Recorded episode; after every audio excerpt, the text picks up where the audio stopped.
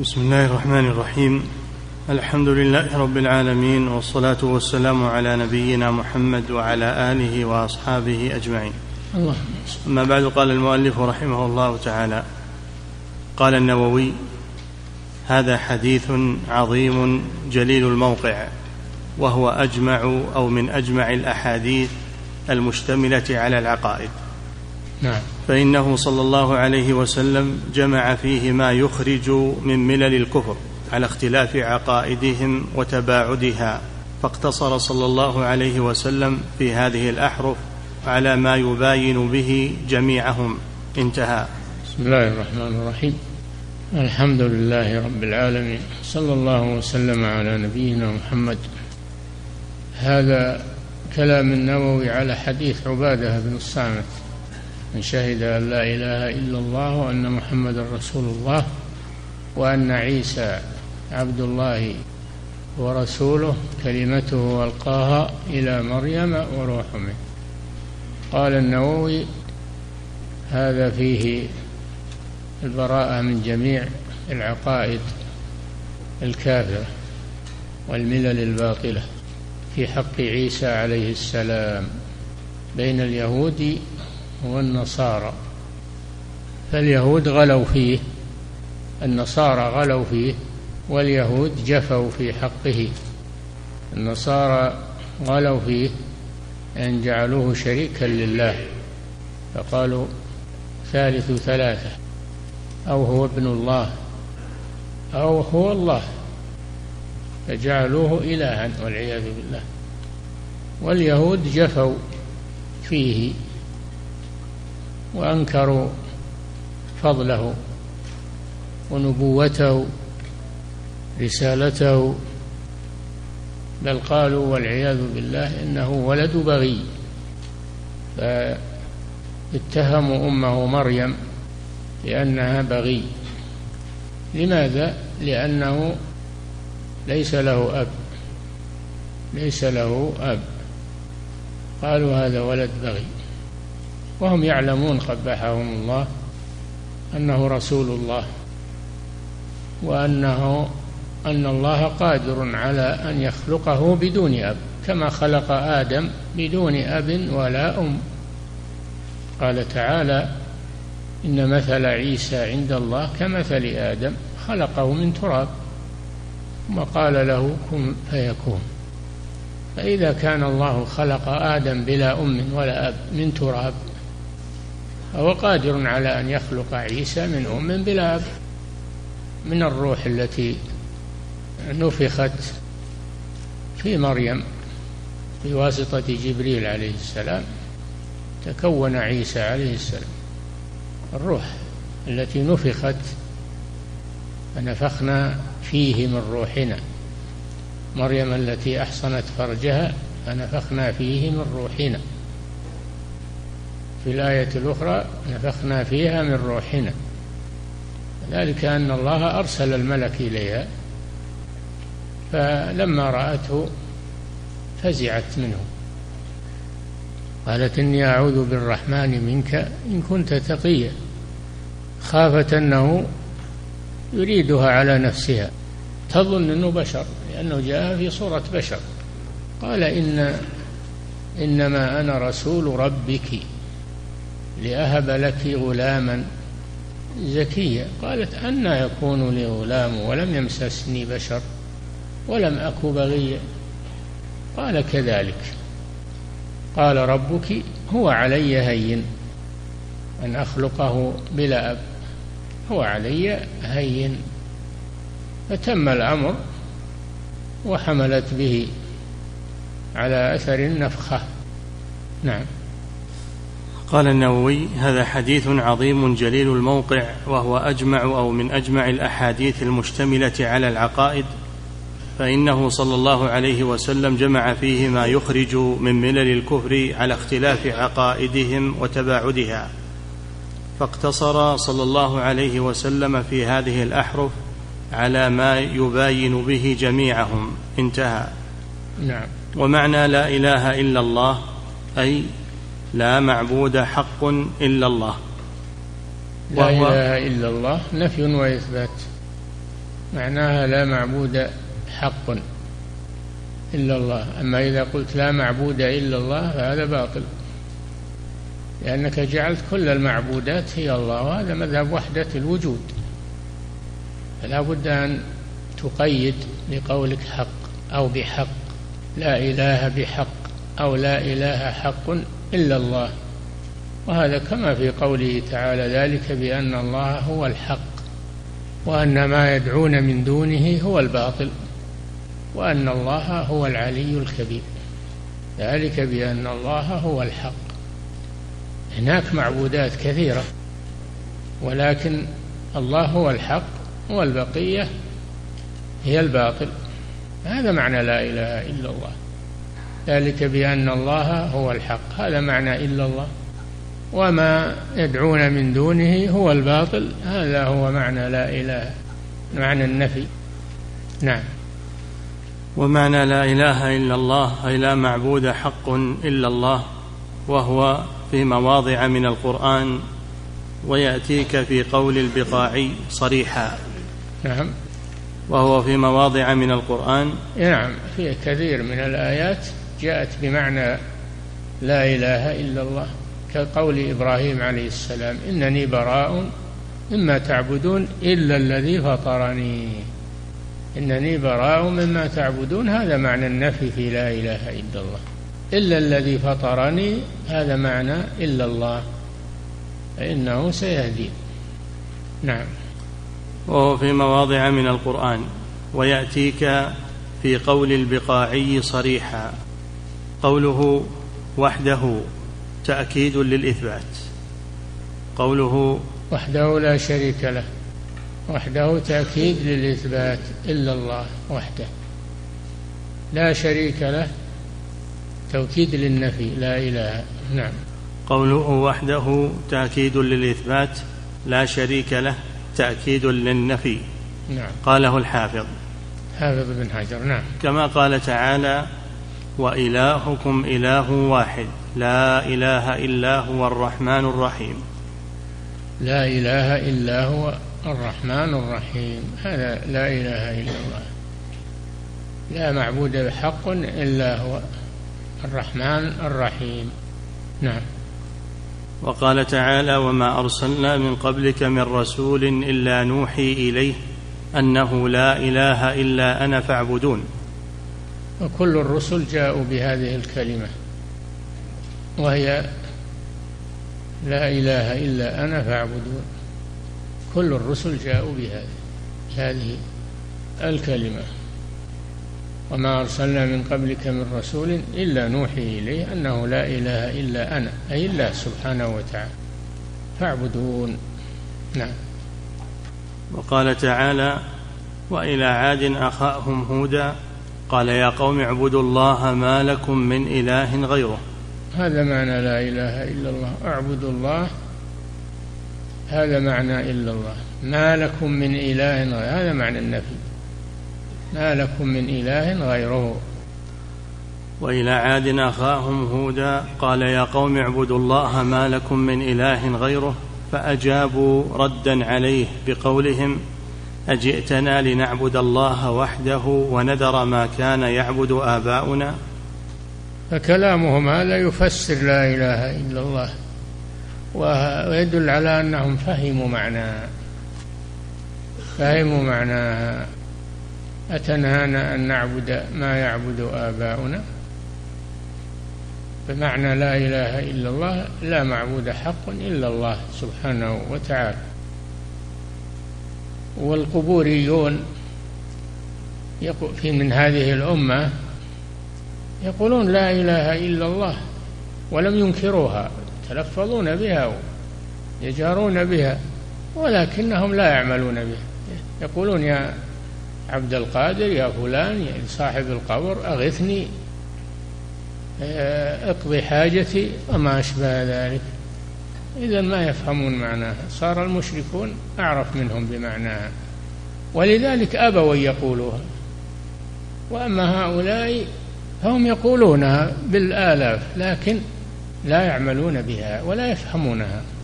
يظنون أنه مجرد قول ولفظ يقال. نعم. وقال تعالى ذلك بأن الله هو الحق وأن ما يدعون من دونه هو الباطل. وأن الله هو العلي الكبير. فحصر الحق فيه سبحانه هو هو الحق.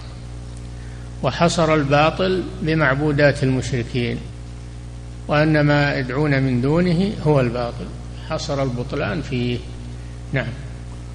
فتضمن ذلك نفي الإلهية عما سوى الله وهي العبادة.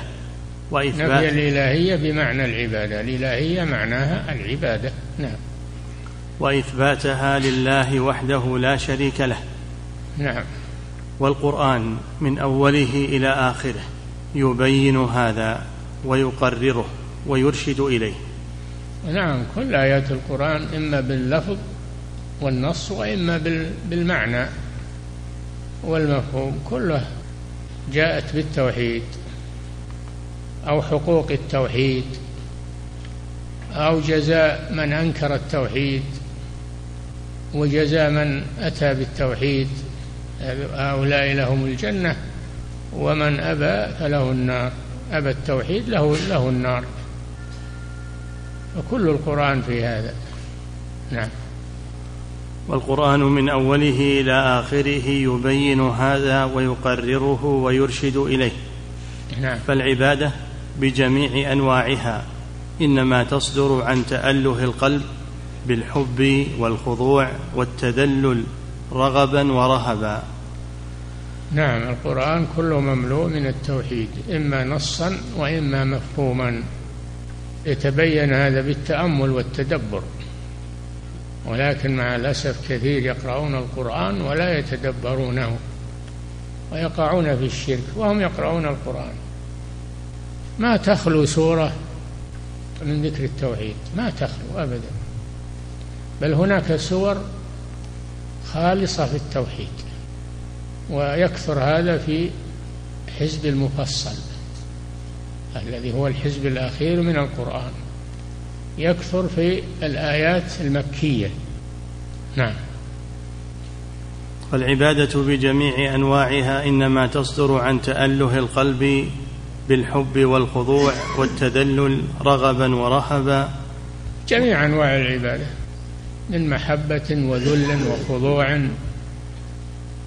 وجميع أنواع العبادة كلها من معنى لا إله إلا الله. نعم. وهذا كله لا يستحقه إلا الله تعالى.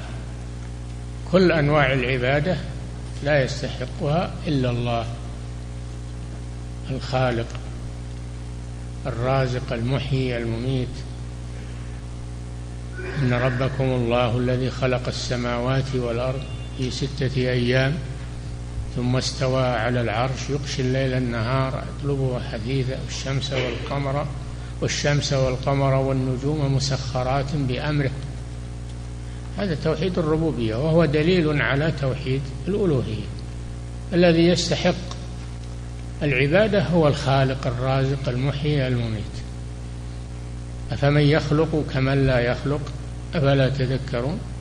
والذين يدعون من دونه والذين يدعون من دونه لا يخلقون شيئا وهم يخلقون. لا يخلقون شيئا. تحداهم الله أن يخلقوا ذبابا.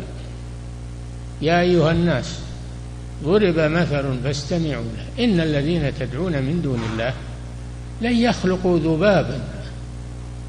أصغر شيء. وأحقر شيء عند الناس لن يخلقوا ذبابا ولو اجتمعوا له. ولو أن الذباب تسلط عليهم ما استطاعوا يتخلصون منه. ويسلبهم الذباب شيئا لا يستنقذوه منه ولذلك تجد الناس مهددين بالذباب على ضعفه وعلى مهددين بالذباب. ينقل لهم الأمراض ينقل لهم يقع في طعامهم وشرابهم ولا يستطيعون التخلص منه. ضعف الطالب والمطلوب. نعم. فالعبادة بجميع أنواعها إنما تصدر عن تأله القلب بالحب والخضوع والتذلل رغبا ورهبا وهذا كله لا يستحقه إلا الله تعالى كما تقدم في أدلة هذا الباب وما قبله. فمن صرف من ذلك شيئا لغير الله. فقد جعله ندا لله.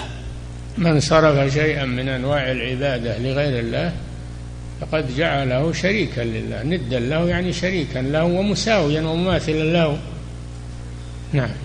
فمن صرف من ذلك شيئا لغير الله فقد جعله ندا لله. ولهذا قال والذين كفروا بربهم يعدلون يعدلون به غيره من الأصنام والأشجار والأحجار والأضرعة يعدلون بها ربهم ويسوونها به نعم. فقد جعله ندا لله فلا ينفعه مع ذلك قول ولا عمل. نعم المشرك لا ينفعه قول ولا عمل. مهما عمل من الأعمال الصالحة لم ينفعه ذلك. ومهما قال من الأذكار والتوحيد ما دام لم يعمل به لا ينفعه ذلك. لا بد من النطق باللسان والعقيدة في القلب والعمل بالجوارح. لا بد من هذا. والأساس هو عقيدة القلب. نعم.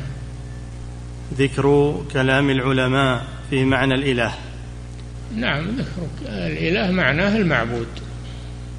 العلماء كل كلامهم يدور على أن الإله هو المعبود بخلاف ما يقرره علماء الكلام أن الإله هو القادر على الخلق والرزق والإحياء والإماتة ما يتعدون توحيد الربوبية.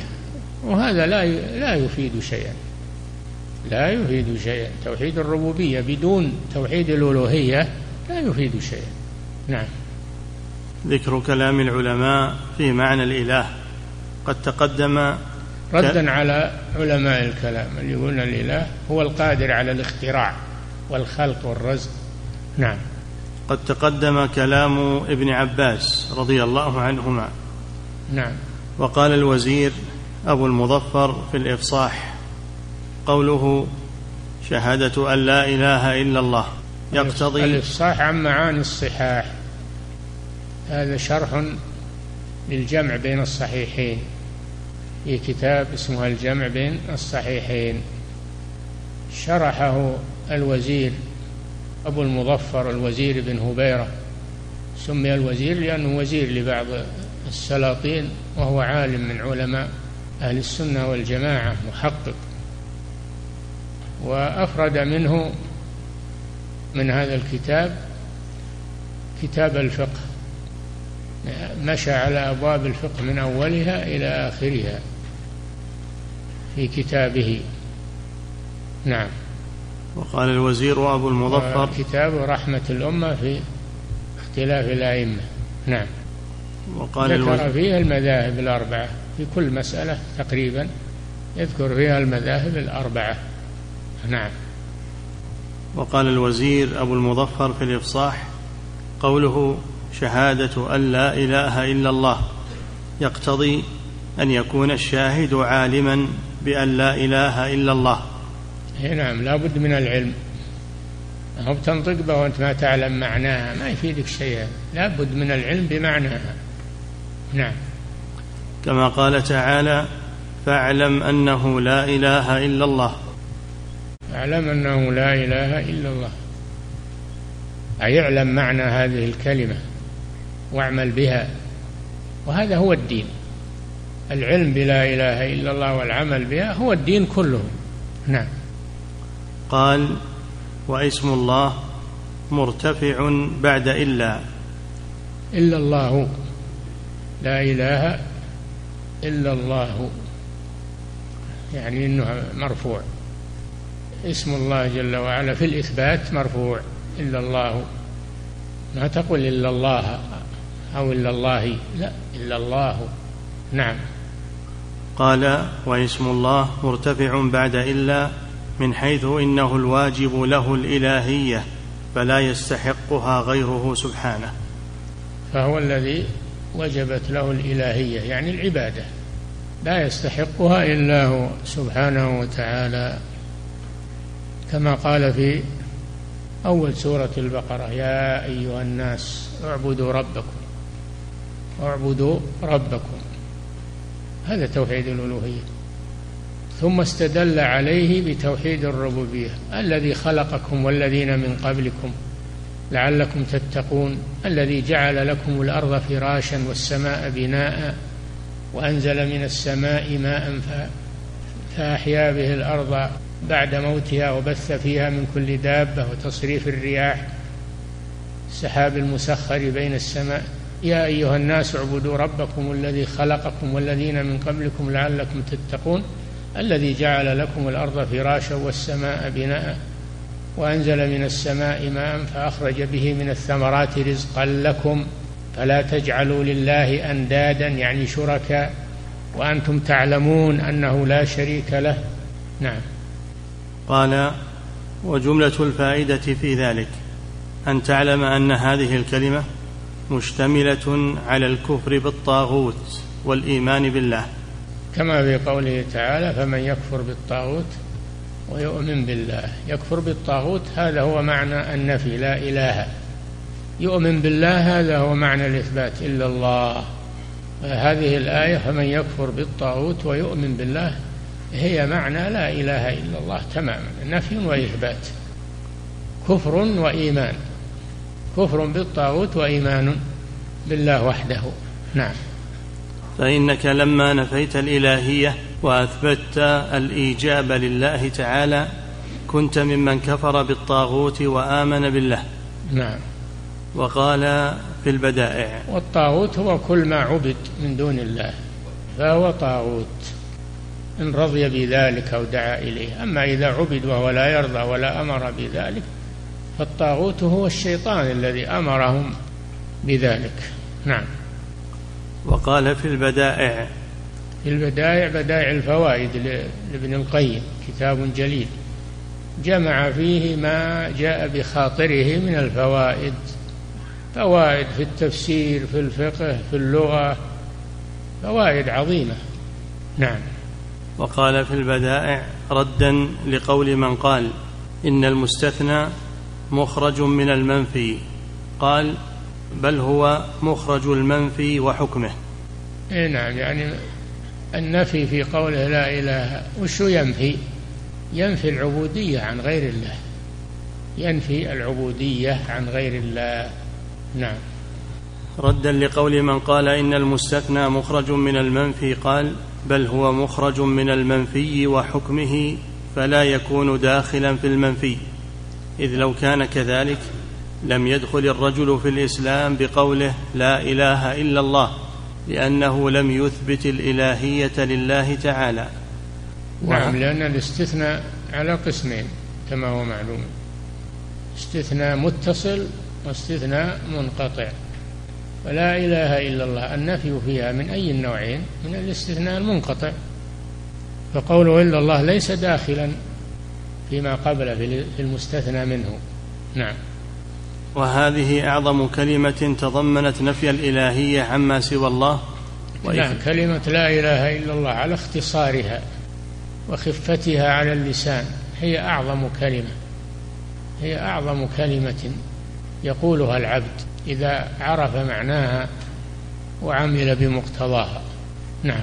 وهذه أعظم كلمة تضمنت نفي, نفي الإلهية عما سوى الله.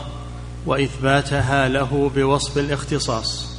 نعم. فدلالتها على إثبات إلهيته أعظم من دلالة قولنا الله إله. نعم لأن الله إله ما فيها نفي. الله إله كلها إثبات فلا تكفي حتى تقول لا إله إلا الله. فتنفي الألوهية عما سوى الله اولا ثم تثبتها لله وحده. مثل فمن يكفر بالطاغوت ويؤمن بالله. النفي أولا ثم الإثبات. نعم. فدلالتها على إثبات إلهيته أعظم من دلالة قولنا الله إله. مع أن قولنا الله إله صحيح لكن ما فيه نفي وإثبات. ما فيه نفي وإثبات. فيه إثبات فقط. نعم. ولا يستريب أحد في هذا البتة. نعم. انتهى بمعناه. نعم. قلت ولا ريب أنه كلام كلام الشيخ عبد الرحمن. نعم.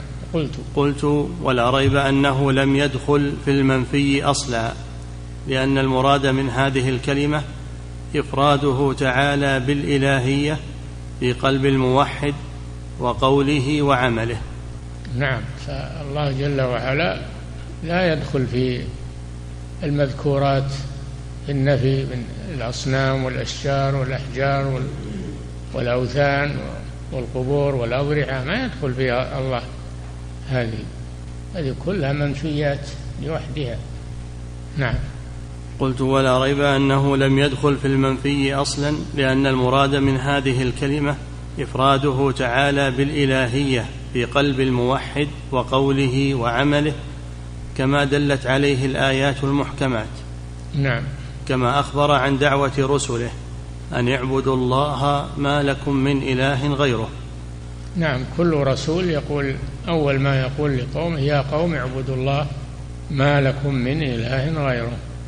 نعم. كما أخبر عن دعوة الرسل أن اعبدوا الله ما لكم من إله غيره. ما أرسلنا من قبلك من رسول إلا نوحي إليه أنه لا إله إلا أنا فاعبدون. نعم.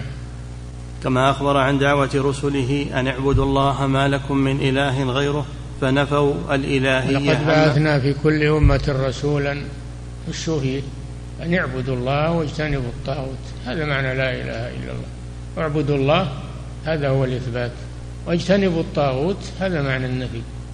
فهذا هو معنى لا إله إلا الله. نعم. فنفوا الإلهية عما سوى الله تعالى وأثبتوها لله وحده. نفوا يعني الرسل عليهم الصلاة والسلام. نعم. فإنه تعالى هو المتصف بتفرده بالإلهية أزلا وأبدا. الإلهية التي هي العبادة وليست الألوهية هي الربوبية والخلق والرزق. نعم. فإنه تعالى هو المتصف بتفرده بالإلهية أزلا وأبدا كما قال تعالى أزلا يعني في الماضي الذي لا حد له وأبدا المستقبل الذي لا نهاية له. نعم. كما قال تعالى ذلك بأن الله هو الحق وأن ما يدعون من دونه هو الباطل. فحصر الباطل في ما يدعى من دون الله. حصر الحق في الله سبحانه وتعالى وفي عبادته. نعم. وأخبر تعالى عن المشركين أنهم قالوا أجئتنا لنعبد الله وحده؟ أرادوا أن يدخلوه في جملة آلهتهم في العبادة وأنكروا أن تكون العبادة له وحده. المشركون لما قال لهم نبيهم قولوا لا إله إلا الله قالوا أجئتنا لنعبد الله وحده؟ شوف يفهمون معناها. فهموا أن معنى لا إله إلا الله أن لا يعبد إلا الله. أجئتنا لنعبد الله وحده ونذر ما كان يعبد آباؤنا. نعبد الله وحده هذا معنى الإثبات. في لا إله إلا الله. ونذر ما كان يعبد آباؤنا هذا معنى النفي. في لا إله إلا الله. نعم. وأنت لو تسأل القبوريين الآن وفيهم علماء فيهم علماء عباد وتسألهم عن معنى لا إله إلا الله ما أجابوك بجواب صحيح لأنهم لا يفهمون معناه. مع الأسف نعم. وأخبر تعالى عن المشركين أنهم قالوا أجئتنا لنعبد الله وحده؟ أرادوا أن يدخلوه في جملة آلهتهم في العبادة؟ يقولون نعبد الله. نعم نعبد الله لكن نعبد معه آلهتنا. هو داخل في المعبودات. لا ما هو كذا. لا يعبد إلا الله والمعبودات هذه باطلة. هم يقولون إن الله من جملة الآلهة جملة المعبودات. هم لا ينكرون الله لكنهم ينكرون إفراده بالعبادة ويريدون أن يكون كغيره من الآلهة أن يكون كغيره من الآلهة. العبادة تكون مشتركة بينه وبين الآلهة هذا مقصوده ولهذا قالوا أجئتنا لنعبد الله وحده؟ دل على أنهم يعبدون الله ويعبدون الآلهة. نعم. أرادوا أن يدخلوه في جملة آلهتهم في العبادة وأنكروا أن تكون العبادة له وحده مع معرفتهم أن لا إله إلا الله تبطل ذلك. نعم عرب فصحى يعرفون معنى الكلام. نعم. وتسوية آلهتهم بالله في العبادة هو الشرك الأكبر. وهذا معنى قوله والذين كفروا بربهم يعدلون يعني يسوونه بغيره فلا تجعلوا لله أندادا. لا تجعلوا لله أندادا.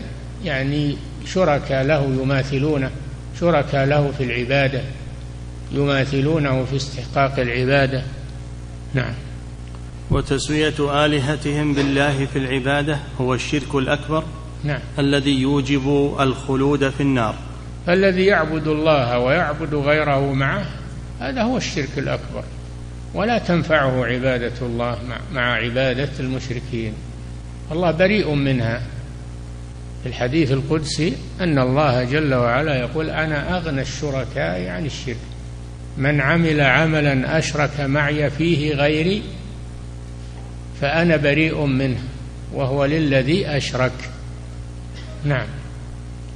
وتسوية آلهتهم بالله في العبادة هو الشرك الأكبر الذي يوجب الخلود في النار. نعم لأن الشرك على قسمين شرك أصغر وشرك أكبر فدعاء غير الله وعبادة غير الله الشرك الأكبر. نعم. فالموحد مخالف للمشرك في قوله وفعله ونيته. لا شك أن المؤمن مخلص لله في قوله وعمله ونيته وأما المشرك فهو يخلط عبادة الله مع الشرك. ويقول كلهم سواء كلهم آلهة. نعم. يجعل الله مساويا للات والعزى ومنات. ولهم يعبدون الله عندهم عبادات لله. لكنها باطلة. لأنها خلطت مع الشرك. نعم. فالموحد مخالف للمشرك في قوله وفعله ونيته. وهذا ظاهر لا خفاء به بحمد الله. نعم لمن تأمله وإلا اللي ما يتأمل ما يدري عن هذا. يقرأ القرآن ويزين صوته ويرتله ويجوده ويقرأ بالقراءات العشر أو السبع ولكن ما يفهم القرآن. وش الفائدة؟ الفائدة وش؟ نعم. وقال أبو عبد الله القرطبي في تفسير لا إله إلا الله أي لا معبود تفسير القرطبي المشهور. نعم. وقال أبو عبد الله القرطبي في تفسير لا إله إلا الله أي لا معبود إلا هو. آه، لا هذا فيه نقص. نعم. وقال أبو عبد الله وقال أبو عبد الله القرطبي في تفسير لا إله إلا إلا هو أي لا معبود إلا هو. يعني لا معبود بحق. نعم. وقال الزمخشري الإله من الزمخشري هذا من أئمة المعتزلة ولكن له تفسير جيد من ناحية البلاغة واللغة جيد من ناحية اللغة والبلاغة لأنه إمام من أئمة اللغة. وأما من ناحية علم المنطق والجدل فهو شاحن الكتاب في هذه الأشياء ويحمل على أهل السنة ويطعن فيهم. نعم. وقال الزمخشري الإله من أسماء الأجناس كالرجل والفرس يقع على كل معبود بحق أو بباطل ثم هذا صح هذا كلام صح. نعم. ثم غلب على المعبود. فالإله هو المعبود سواء بحق أو بباطل. سمى إله. نعم. الإله من أسماء الأجناس كالرجل والفرس يقع على كل معبود بحق أو بباطل ثم غلب على المعبود بحق. نعم. قال شيخ الإسلام الإله هو المعبود المطاع. الإله هو المعبود لأن الإلهية معناها العبادة. نعم. الإله هو المعبود المطاع فإن الإله هو المألوه والمألوه هو الذي يستحق أن يعبد وكونه يستحق, أن يعبد هو بما اتصف به من الصفات التي تلتز التي تستلزم أن يكون هو المحبوب غاية الحب المخضوع له غاية الخضوع. نعم. وقال رحمه الله فإن الإله هو المحبوب المعبود الذي تألهه نعم من معاني الإله المحبوب. من الوله وهو المحبة. نعم. وقال رحمه الله فإن الإله هو المحبوب المعبود الذي تألهه القلوب بحبها وتخضع له وتذل له وتخافه وترجوه وتنيب إليه في شدائدها وتدعوه في مهماتها وتتوكل عليه في مصالحها وتلجأ إليه وتطمئن بذكره وتسكن إلى حبه وليس ذلك إلا لله وحده. ما تجتمع هذه المعاني الجليلة إلا في الله وحده. نعم. وليس ذلك إلا لله وحده ولهذا كانت لا إله إلا الله أصدق الكلام. نعم. وكان أهلها أهل الله وحزبه. نعم. والمنكرون لها أعداءه وأهل غضبه ونقمته. نعم. فإذا صحت صح بها كل مسألة وحال وذوق وإذا لم يصحح العبد فالفساد لازم له في علومه وأعماله. إيه لا إذا فهمها فهما صحيحا وعمل بها واعتقدها صلحت أموره كلها. أما إذا لم يفهمها أو فهمها ولم يعمل بها خسر. الخسران الذي لا جبران له. نعم. وقال ابن القيم الإله هو الذي تالهه القلوب محبة وإجلالا. هذا من معانيه. نعم.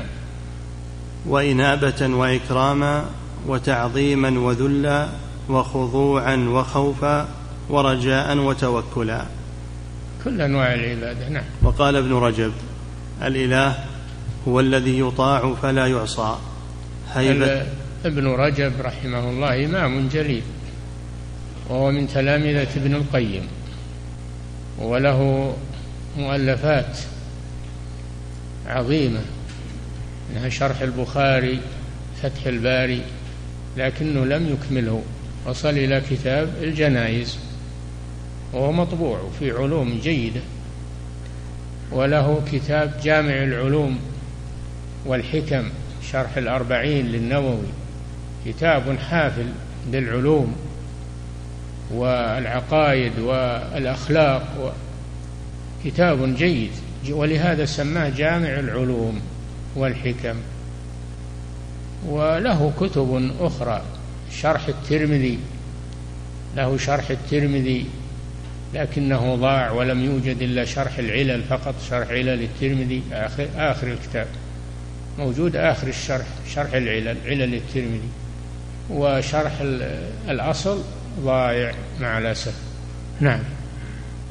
وقال ابن رجب وله قواعد مشهورة قواعد ابن رجب في الفقه. نعم. وقال ابن رجب الإله هو الذي يطاع فلا يعصى. نعم. هيبة له وإجلالا ومحبة وخوفا ورجاء وتوكلا عليه وسؤالا منه ودعاء له. ولا يصلح هذا كله إلا لله عز وجل. نعم له رسالة شرح كلمة الإخلاص. رسالة صغيرة شرح للا إله إلا الله وهي مطبوعة موجودة نعم. ولا يصلح هذا كله إلا لله عز وجل فمن أشرك مخلوقا في شيء من هذه الأمور التي هي من خصائص الإلهية كان ذلك قدحا في إخلاصه في قول لا إله إلا الله. نعم. وكان فيه من عبودية المخلوق بحسب ما فيه من ذلك. نعم. وقال البقاعي لا إله إلا الله. أي انتفى انتفاء انتفاء أن يكون معبود بحق غير الملك الأعظم. فإن هذا العلم هو أعظم. ولهذا تسمى لا إله إلا الله كلمة الإخلاص لأنها تخلص العبادة والدين لله عز وجل. نعم كلمة الإخلاص. وتسمى العروة الوثقى من يكفر بالطاغوت ويؤمن بالله فقد استمسك بالعروة الوثقى. يعني لا إله إلا الله. نعم. وقال البقاعي وتسمى كلمة التقوى. وألزمهم كلمة التقوى. يعني لا إله إلا الله. وكانوا أحق بها وأهلها. نعم. لا إله إلا الله أي انتفى انتفاء عظيما أن يكون معبود بحق غير الملك الأعظم فإن هذا العلم هو أعظم الذكرى المنجية من أهوال الساعة وإنما يكون علما إذا كان نافعا وإنما يكون نافعا إذا كان مع الإذعان والعمل بما تقتضيه وإلا فهو جهل صرف. نعم. وقال الطيبي الإله. الطيبي. وقال الطيبي نعم. الإله فعال بمعنى مفعول.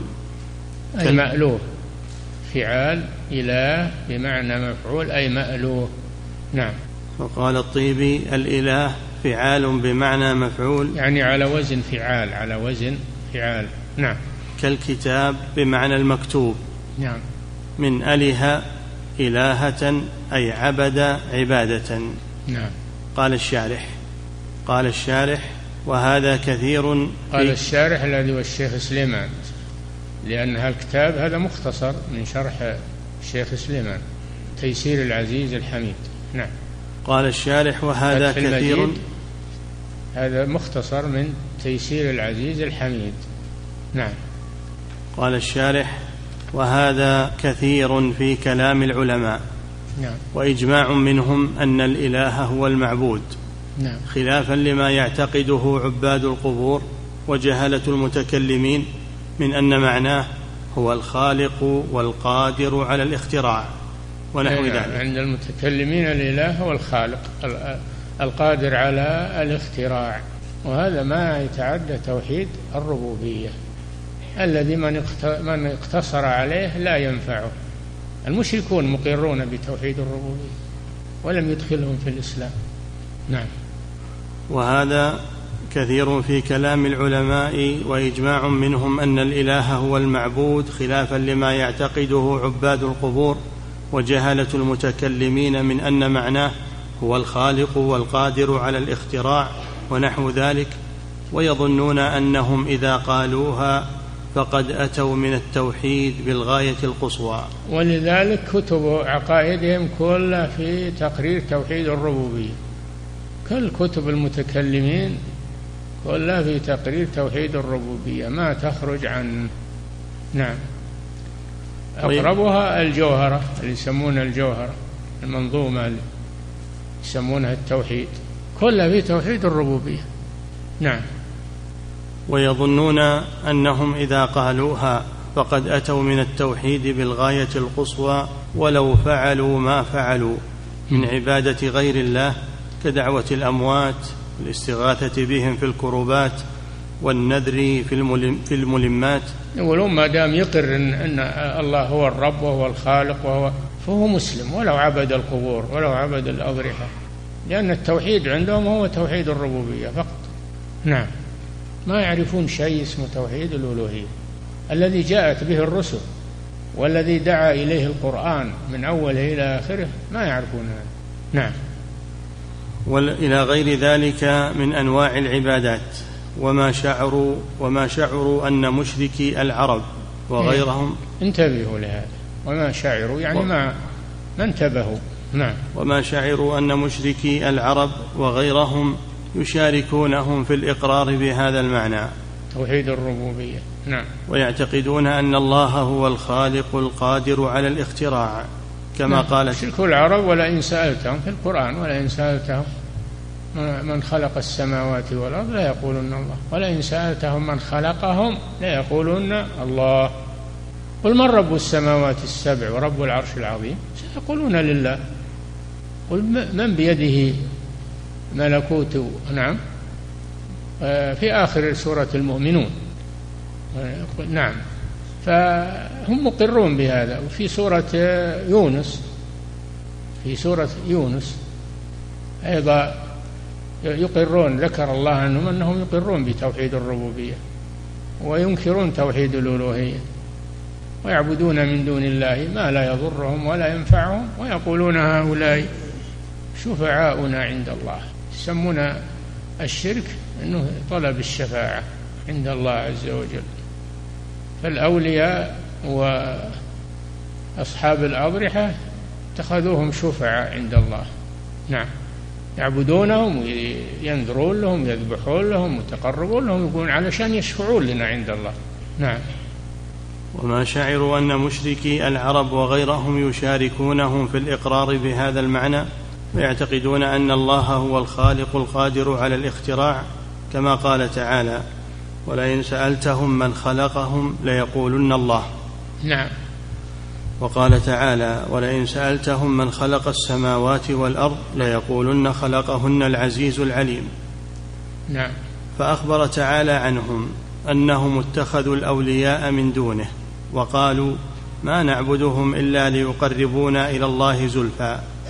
فتبا لمن كان يقولون ما إحنا ما نعتقد إن الأموات والأولياء والصالحين ما نعتقد. إنهم يستقلون بالنفع والضر من دون الله عز وجل. ولكن نحن مذنبون لنا ذنوب وهؤلاء صالحون. فنطلب منهم أن يشفعوا لنا عند الله. ما اقتصر على هذا بل يذبحون لهم وينذرون ويعبدون من دون الله ما لا يضرهم ولا ينفعهم ويقولون هؤلاء شفعاؤنا عند الله. فكيف هذا؟ هذا تناقض. نعم. فتبا لمن كان أبو جهل ورؤوس الكفر من قريش وغيرهم أعلم منه بمعنى لا إله إلا الله. نعم لأن مشركي قريش أبو جهل وأبو لهب وغيرهم من مشركي قريش لما قال لهم الرسول صلى الله عليه وسلم قولوا لا إله إلا الله قالوا أجعل الآلهة إلها واحدا؟ إن هذا لشيء عجاب. فهموا معنى أن, أن لا إله إلا الله تجعل الإله إله واحد. وهم لا يريدون هذا الإله الآلهة كثيرة كل له إله. أجعل الآلهة إله واحدا. لما قال لهم قولوا لا إله إلا الله مثل ما قال من قبلهم أجئتنا لنعبد الله وحده ونذر ما كان يعبد آباؤنا. المسار واحد عند المشركين. فالمشركون من العرب الذين بعث فيهم رسول الله صلى الله عليه وسلم يقرون بتوحيد الربوبية وينكرون قول لا إله إلا الله لأنها تجعل الآلهة إلها واحدا وهم لا يريدون هذا. جعل الآلهة إلها واحدا إنهم كانوا إذا قيل لهم لا إله إلا الله يستكبرون ويقولون أئنا لتاركوا آلهتنا؟ شوف فهموا أنهم إذا قالوا لا إله إلا الله تركوا آلهتهم. ويقولون إنا لتاركوا آلهتنا لشاعر مجنون يعنون محمدا صلى الله عليه وسلم. نعم.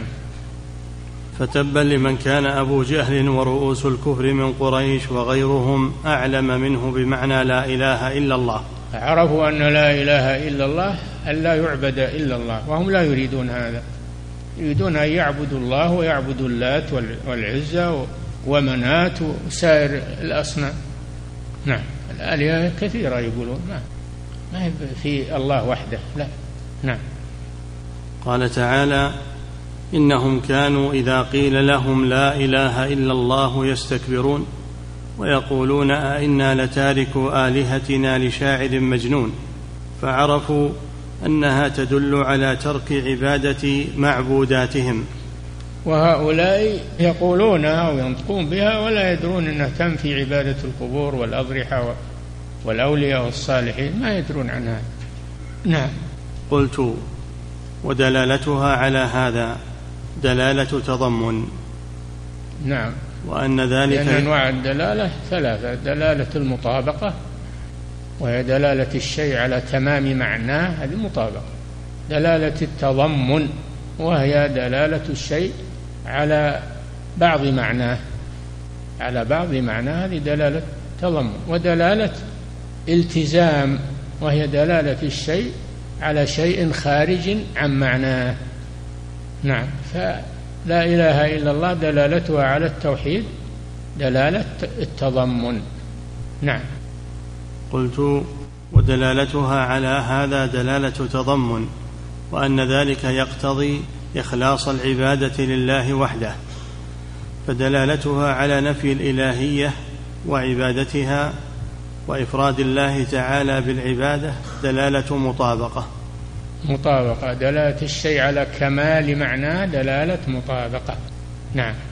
فهي تجمع بين دلالة التضمن ودلالة المطابقة. نعم. فدلت لا إله إلا الله على نفي العبادة عن كل ما سوى الله كائنا من كان وإثبات الإلهية لله وحده دون ما سواه. وهذا هو التوحيد الذي دعت إليه الرسل ودل عليه القرآن من أوله إلى آخره. ما ذكر الله عن الرسل من أولهم إلى آخرهم إنهم دعوا الناس إلى توحيد الربوبية والإقرار بالخالق. كلهم يقرون بهذا. هذا شيء موجود فيهم. إنما دعوهم للألوهية. اعبدوا ما لكم من إله غيره. نعم. ودل عليه القرآن من أوله إلى آخره كما قال تعالى عن الجن. شوف في أول الفاتحة الحمد لله رب العالمين الرحمن الرحيم مالك يوم الدين إياك نعبد وإياك نستعين. فيها أنواع التوحيد الثلاثة. في سورة الناس اللي هي آخر سورة. أعوذ برب الناس ملك الناس إله الناس. أنواع التوحيد الثلاثة. وكذلك بقية السور وبقية القرآن كلها فيها التوحيد. لكن وين اللي تفكر؟ وين اللي تدبر؟ نعم. ودل عليه القرآن من أوله إلى آخره كما قال تعالى من أوله إلى في الفاتحة بسورة الناس كلها في التوحيد. نعم. كما قال تعالى عن الجن قل أوحي إلي أنه استمع نفر من الجن فقالوا إنا سمعنا قرآنا عجبا يهدي إلى الرشد فآمنا به ولن نشرك بربنا أحدا. وأنه تعالى جد ربنا ما اتخذ صاحبة ولا ولدا وأنه كان يقول سفيهنا على الله شططا. إلى آخر السورة. النبي صلى الله عليه وسلم قام يصلي لما رجع من الطائف وقام يصلي من الليل يتلو القرآن اجتمع الجن عليه واستمعوا القرآن. فتعجبوا مما سمعوه وراحوا إلى قومهم. وإذ صرفنا إليك نفرا من الجن يستمعون القرآن فلما حضروه قالوا أنصتوا فلما قضي ولوا إلى قومهم منذرين. قالوا يا قومنا إنا سمعنا كتابا أنزل من بعد موسى يهدي إلى الحق وإلى طريق مستقيم. يا قومنا أجيبوا داعي الله وآمنوا برسوله. الجن لما سمعوا القرآن عرفوا أنهم على شرك وعلى باطل أنهم يدعون مع الله آلهة أخرى. ولن نشرك بربنا أحدا وأنه تعالى جد ربنا ما اتخذ صاحبة ولا ولدا. وأنه كان يقول سفيهنا على الله شططا. نعم. فلا إله إلا الله. لا تنفع إلا من عرف مدلولها نفيا وإثباتا. نعم. واعتقد ذلك وقبله وعمل به.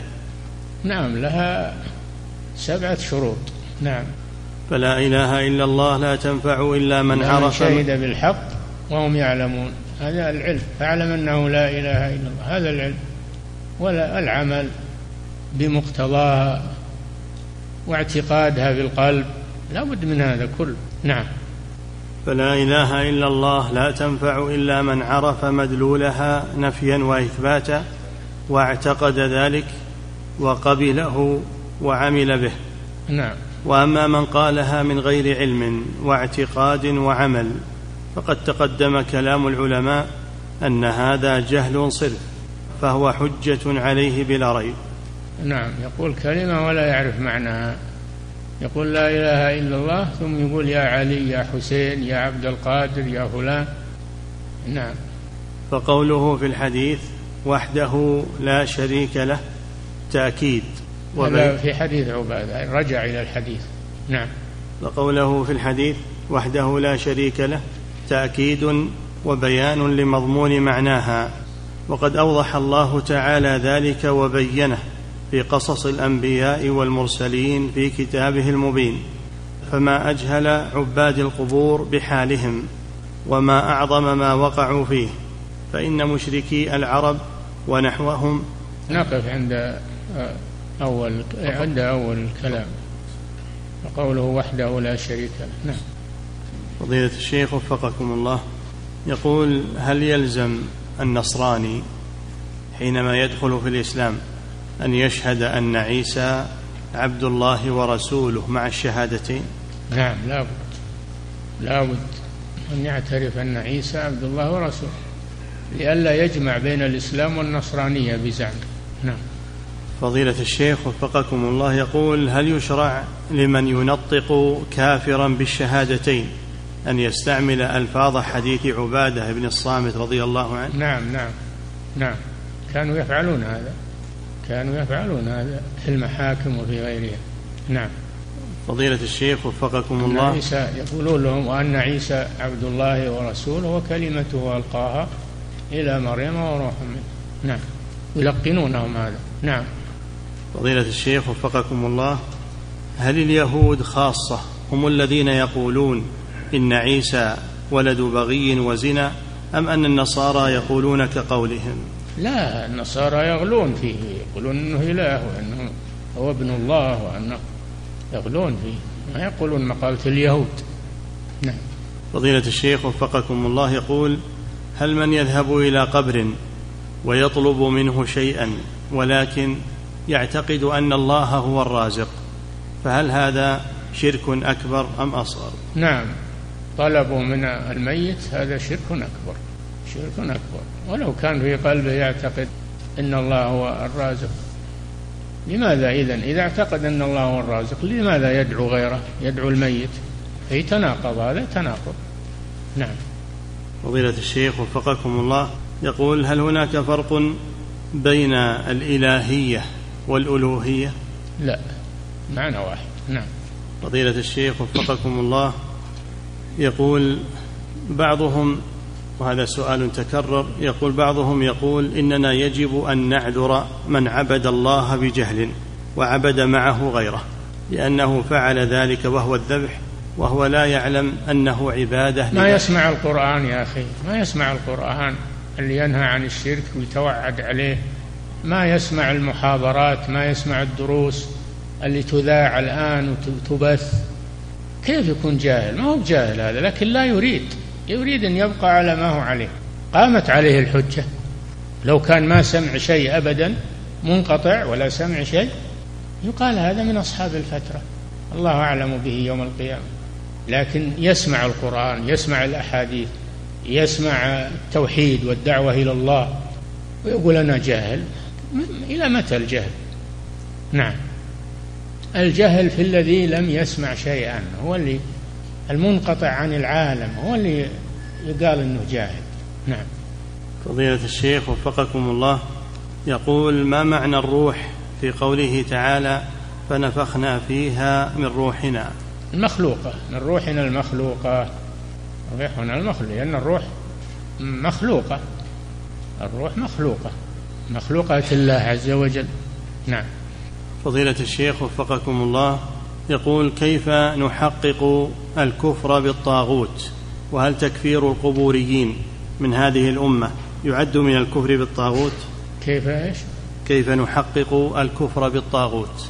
بأن نعتقد أن أن عبادة غير الله باطلة من القبور والأشجار والأحجار وغيرها. نعتقد أنها باطلة. أما اللي يقول لا لهم قناعتهم ولهم حريتهم. حرية العقيدة هذا ما يفرق بين الكفر والإيمان والعياذ بالله ولا بين التوحيد والشرك. يقول كل حر يعتقد ما يريد. يعني حر ما هو بحر هو عبد عبد هو مخلوق عبد. وما خلقت الجن والإنس إلا ليعبدون. وعبادة الله هي الحرية الصحيحة التي تحرره من الأصنام ومن الرذائل ومن الأخلاق السيئة. من عبودية الناس والذل للناس هي الحرية. عبادة الله هي الحرية الصحيحة. نعم. ثم يقول حفظك الله وهل تكفيرنا للقبوريين من هذه الأمة يعد من تحقيق الكفر بالطاغوت؟ نعم ما في شك. ما في شك. الطاغوت هو ما عبد من دون الله وهو راض بذلك أو يدعو إلى ذلك. أما إذا عبد وهو لا يرضى بذلك فالطاغوت هو الذي أمره هو الشيطان يعبد الشيطان ولا يعبد الرجل الصالح أو النبي ما يعبده يعبد الشيطان الذي أمره بذلك. وأما الرجل الصالح وأتباع الأنبياء يتبرؤون ممن عبدهم يوم القيامة يقولون ما أمرناهم ولا علمنا عن عبادتهم لنا. قالوا سبحانك أنت ولينا من دونهم بل كانوا يعبدون الجن يعني الشياطين. أكثرهم بهم مؤمنون لأنهم أطاعوا الشياطين. هم صاروا عباد للشياطين. نعم. فضيلة الشيخ وفقكم الله يقول بعض الناس يؤمن بأنه لا تجوز العبادة إلا لله وأن من فعل العبادة لغير الله فهو مشرك لكنه لا يعلم أن هذا هو معنى هذه الكلمة لا إله إلا الله. فهل تكون شهادته صحيحة؟ كيف ينطق بها وما يعلمها؟ مسلم ما يعلم معنى لا إله إلا الله. هذا غريب. اللي ينطق بها لازم يتعلم معناها. ما هي بكلام أعجمي ولا إنجليزي ولا كلام عربي فصيح. لازم يعلم. نعم. فضيلة الشيخ وفقكم الله يقول هل يجوز شراء المنتجات الأجنبية التي أسماؤها تدل على معان شركية؟ مش مثل؟ مش مثل؟ نعم. فضيلة الشيخ وفقكم الله في قوله سبحانه له دعوة الحق هل من معانيها لا إله إلا الله؟ له دعوة الحق الدعوة الحق يعني الدعوة الصحيحة وأما الدعوة لغيره فهي دعوة الباطلة. نعم. فضيلة الشيخ وفقكم الله يقول هل الفطرة التي هي التوحيد تكون حجة على الذين لم يصلهم الإسلام أم يكونوا من أهل الفترة؟ من أهل الفترة. يكونون من أهل الفترة. الذين لم يبلغهم شيء. منقطع منقطعون عن العالم. ولا يصلهم شيء من الأخبار. ولا يسمعون شيء. في مجاهل من الأرض. هؤلاء هم اللي ما بلغهم شيء ولا قامت عليهم الحجة. نعم. فضيلة الشيخ وفقكم الله يقول هل تنصحون طالب العلم أن يستفيد من كتاب الزمخشري في اللغة والبلاغة؟ المتمكن. ننصح المتمكن أما اللي ما تمكن فلا ننصحه أن يقرأ فيه لأنه يختلط عليه. لا سيما وأنه يذم أهل السنة والجماعة يذمهم. يقدح فيهم بنفس التفسيرات. هم نخاف إذا صار هذا ما يدري يبغض أهل السنة والجماعة. نعم. فضيلة الشيخ وفقكم الله يقول ما كيفية التعامل مع من يصرف شيئا من العبادات لغير الله كالصوفية؟ أن يبين لهم ويدعون إلى التوحيد ويبين لهم يدعون إليه. ما يتركون. فضيلة الشيخ وفقكم الله يقول الشبهات هي قدح في العقيدة فكيف نبتعد عن الشبهات المسموعة والمرئية؟ ابتعدوا عنها لا لا تسمعون لها تجلسون من مجالسها تنطلي عليكم. ابتعدوا عنها. وإذا كنتم تعرفون أنها شبهات وأنها باطلة بينوا بطلانها.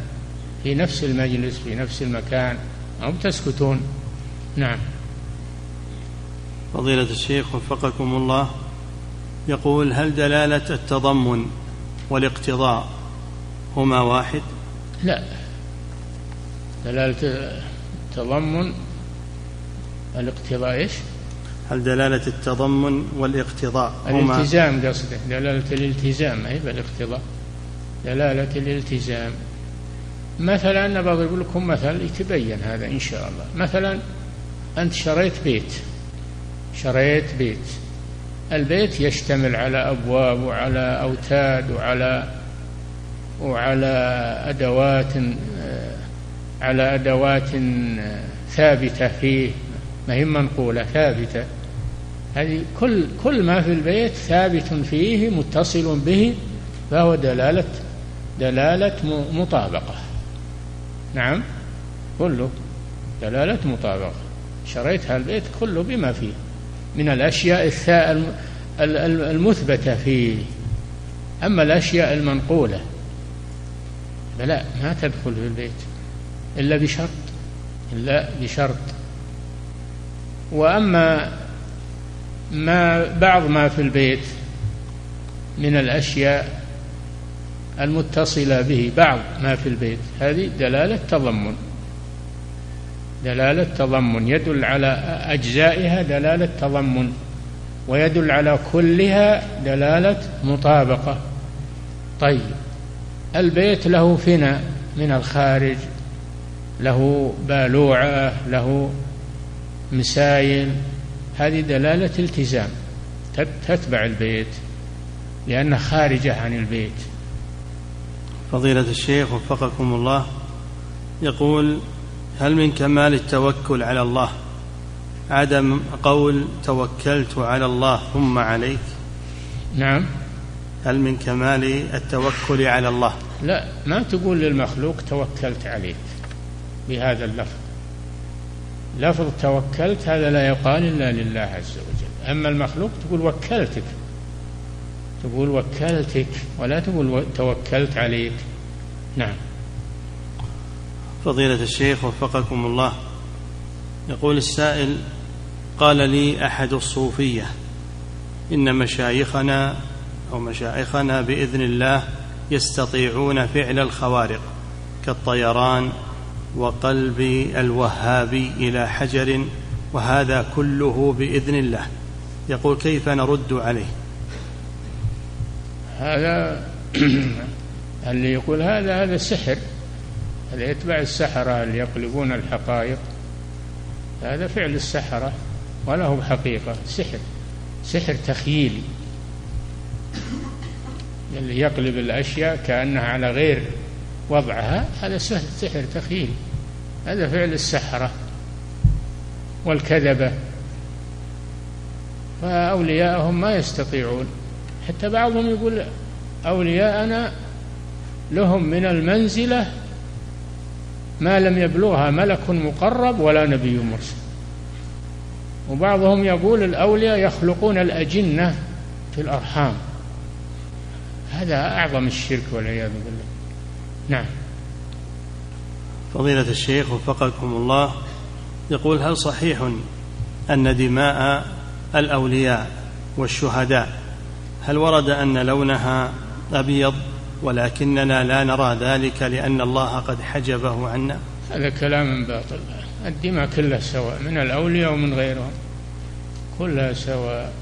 هذا كلام باطل. ليس لدم الولي ميزة على دم على دم غير الولي.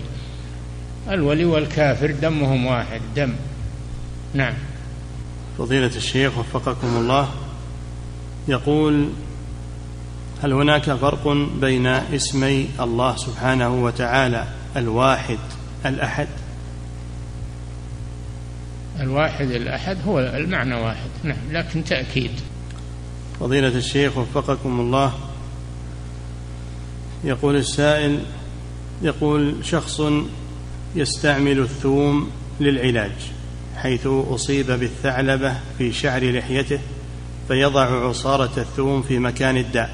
سؤاله هل له أن يصلي مع الجماعة في المسجد مع وجود شيء من رائحة الثوم مع أنه يقوم بغسل ذلك قبل ذهابه أم يعذر بترك الجماعة؟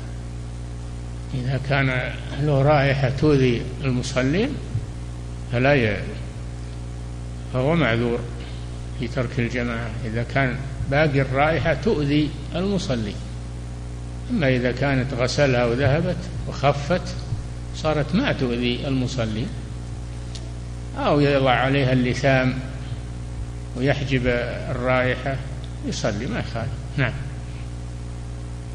فضيلة الشيخ وفقكم الله يقول السائل جدتي عامية جدا وقد توفيت رحمها الله وكانت تردد ويقول ألفاظا شركية وتدعو الأولياء فلما كبرت وعلمت أن هذا شرك كنت دائما ألقنها البراءة من الأولياء فأقول قولي إني بريئة من الشيخ الفلاني. سؤاله هل يكفي ذلك في صحة توحيدها؟ إذا تبرأت من من أولياء الشيطان تبرأت من أولياء الشيطان. أما أولياء الرحمن فلا تتبرأ منهم. لكن أولياء الشيطان المضللين هؤلاء لابد من البراءة منهم. واللي ما يتبرأ منهم يكون مثلهم. نعم. فضيلة الشيخ وفقكم الله يقول هل يجوز لمعلم القرآن أن يجعل أحد الطلاب يقرأ نصف آية الدين والنصف الآخر يقرأه طالب آخر؟ لا. لا. الآية يقرأها كاملة. يدرس إياها كاملة. ما يدرس بعضها والبعض الآخر يدرس الواحد آخر. لا. نعم. فضيلة الشيخ وفقكم الله يقول أنا من خالد ليش تروح بهم الآية الدين يا أخي؟ درسهم السور القصار أول شيء. لو درسهم السور القصار درسهم المفصل اللي آياته قصيرة. أول شيء هذا لما أنه يتدرب ثم يقرأ الآيات الطوال نعم. فضيلة الشيخ وفقكم الله يقول أنا من خارج هذه البلاد وأسأل عن حكم أكل اللحوم وحليب البودرة المستورد من بلاد الكفر لأني قد سمعت أنها تذبح على غير الطريقة الشرعية. الحليب. ما له دخل في الذبح الحليب تشربه ما يخالف أما اللحم إذا علمت أنه مذبوح على غير الطريقة الشرعية لا تأكل منه. لا تأكل منه. قال الله جل وعلا إلا ما ذكيتم. اللي ما ذكي لا تأكل منه. وإذا شككت فيه فأنت تجنبه من باب الورع. المشكوك فيه تجنبه من باب الورع. أما ما علمت أنه على غير الطريقة الشرعية هذا حرام ولا يجوز تأكل منه. نعم. فضيلة الشيخ وفقكم الله أسئلة كثيرة تسأل عن ضابط الجمع في المطر ما هو المجيز لذلك؟ جمع للمطر واضح. مطر يبل الثياب إذا ذهبت للمسجد أو خرجت من المسجد يبل الثياب تربص ثيابك. أو إن الأرض صارت بعده فيها ماء مستنقعات وطين وحل نعم. فضيلة الشيخ وفقكم الله وأسئلة أخرى كثيرة عن حكم الجمع بين الظهر والعصر لأجل المطر ومن صلى في هذا اليوم وجمع فما حكمه؟ هذا خطأ لأن الناس منتشرين في في محلاتهم وبيعهم وشراءهم وأسواقهم. ما هم بيكتنون في بيوتهم. في النهار ما يكتنون. تجمع لهم الظهر والعصر ثم يروحون لدكاكينهم يروحون لنزهتهم ولاستراحاتهم. ما للف... ما للجمع داعي حينئذ. جمع الإنسان اللي يبي يدخل البيت ويكتن عن المطر. ما هو طالب لما يروح المطر. نعم. فضيلة الشيخ وفقكم الله يقول هل يجوز للحاكم أن يتدرج في تطبيق الشريعة الإسلامية بسبب عجزه عن تطبيقها كاملة فيطبق بعض الأبواب تدرجا؟ ما ندري عن حالته. الدعوة ما نصدق الدعوة. يقول أنا عاجز وأنا ما لازم أتدرج ما ندري عنه نعم. فضيلة الشيخ وفقكم الله يقول هل وردت صفة معينة عند التفات المؤذن في الحيعلتين حي على الصلاة حي على الفلاح. التفات الصفة أنه يلتفت يمينا وشمالا. والالتفات معروف ما يحتاج إلى سؤال. نعم. فضيلة الشيخ وفقكم الله. يقول ورد حديث عن نهي طلب الإمامة فهل ينطبق هذا الحديث على من طلب الإمامة في المساجد؟ طلب طلب الإمامة طلب القضاء أو طلب الوظيفة الدينية الإمامة وغيرها الأمور الدينية. لكن إذا لم يكن هناك من يقوم بها وهو فيه الكفاءة له أنه يتقدم. يوسف عليه السلام قال للملك اجعلني على خزائن الأرض إني حفيظ عليم. إذا كان فيه الكفاءة ولا فيه غيره. القضاء يتعطل تضيع حقوق الناس. يطلب القضاء في هذا استدراك للمسلمين لا يضيع حقوقهم. الإمامة ما فيها أحد يصلي بالجماعة ويضبطهم ويضبط القراءة. يتقدم لها لأن هذا أمر يضيع لا إذا لم يتقدم له. أما إذا كان فيه غيره ممن يقوم بالواجب ويتم بالواجب فلا يتقدم له. نعم. انتهى. الله تعالى أعلم وصلى الله وسلم على نبينا محمد على آله وصحبه أجمعين. مؤسسة الدعوة الخيرية الدعوة إلى الله هدفنا والتقنية الحديثة وسيلتنا.